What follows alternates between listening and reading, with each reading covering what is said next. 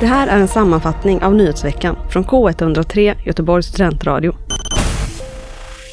Från den 17 juni till den 1 juli presenterar HDK Valand och Göteborgs universitet en serie utställningar, föreställningar, visningar och workshop med verk av deltagare i det EACEA-finansierade Open Up-projektet som löper mellan 2019 och 2023. Festivalen börjar den 17 juni med utställningar av konst och designverk, men fortsätter med föreställningar, visningar och musik från måndagen 19 juni, onsdagen 21 juni och avslutas den 1 juli. Open Up-projektet är ett fyraårigt kulturprojekt som finansieras av Kreativa Europa och syftar till att skapa synlighet och erfarenhet för konstnärer, designers, hantverkare och artister. HDK Valand är en av sju deltagare i Open Up, där andra är bland annat universitet från Grekland, Spanien och Frankrike. Vid intresse kan man kolla in Göteborgs universitets hemsida, gu.se. Under tidiga 2023 blev en ung flicka knivskuren i centrala Göteborg vid Brunnsparken av en äldre man. Mannen blev gripen av personer på plats som vittnade dådet och förd till häktet. Medan flickan och hennes anhörig blev förda till sjukhuset för att vårda deras skador. Nu den 12 juni meddelar Åklagarmyndigheten att mannen nu åtalas för försök till mord och grov misshandel. Järntorget och Långgatorna i Göteborg valde 2021 ut som ett prioriterat område med avseende på våldsbrott och otrygghet.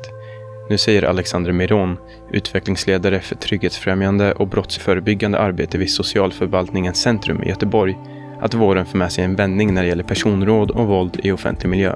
Göteborgs stad och polis har jobbat med att öka tryggheten de senaste två åren och sedan ett år tillbaka finns även ett nätverk representanter från fastighetsägare i området med. Den öppna narkotikaförsäljningen har även den minskat och resultat från trygghetsundersökningar visar att folk inte upplever försäljning av droger som ett lika stort problem.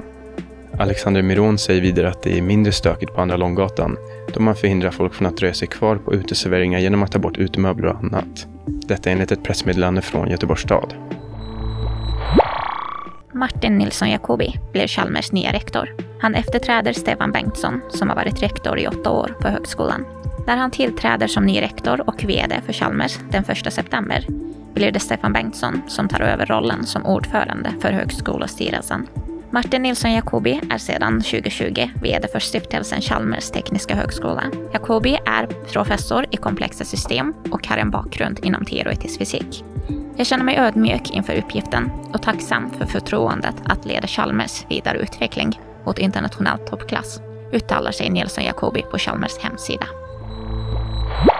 Exploateringsnämnden i Göteborg har, i egenskap av markägare, fattat beslut om omedelbart förbud för grillning i Göteborgs stads parker, stränder och badplatser.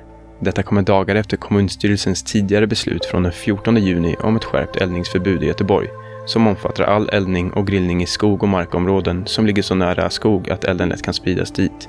Det är även förbjudet att grilla vid fasta grillplatser i skog och mark. Detta enligt ett pressmeddelande från Göteborgs stad. Regeringen vill genomföra en reformering av betygssystemet i svenska skolor. Lars Strannegård, rektor på Handelshögskolan i Stockholm, har tidigare uppmärksammat problemet kring misstänkta glädjebetyg bland antagna studenter.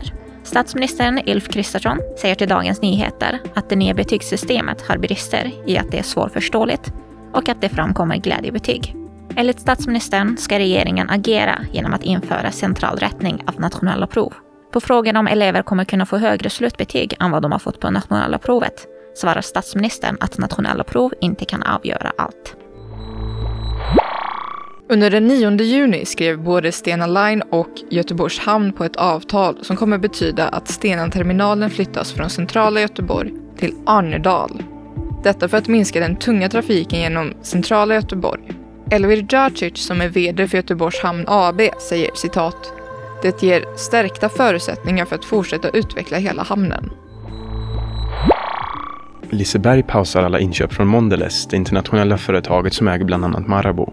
Beslutet kommer endast dagar efter att det under ett extrainsatt möte måndag den 12 juni sagt att det skulle fortsätta sälja Marabous produkter. Flera stora aktörer har valt att stoppa alla inköp från Mondelez med bakgrunden att de haft fortsatt verksamhet i Ryssland under deras pågående invasionskrig av Ukraina. Liseberg har fått kritik i sociala medier och väljer nu alltså att pausa alla inköp från Mondelez.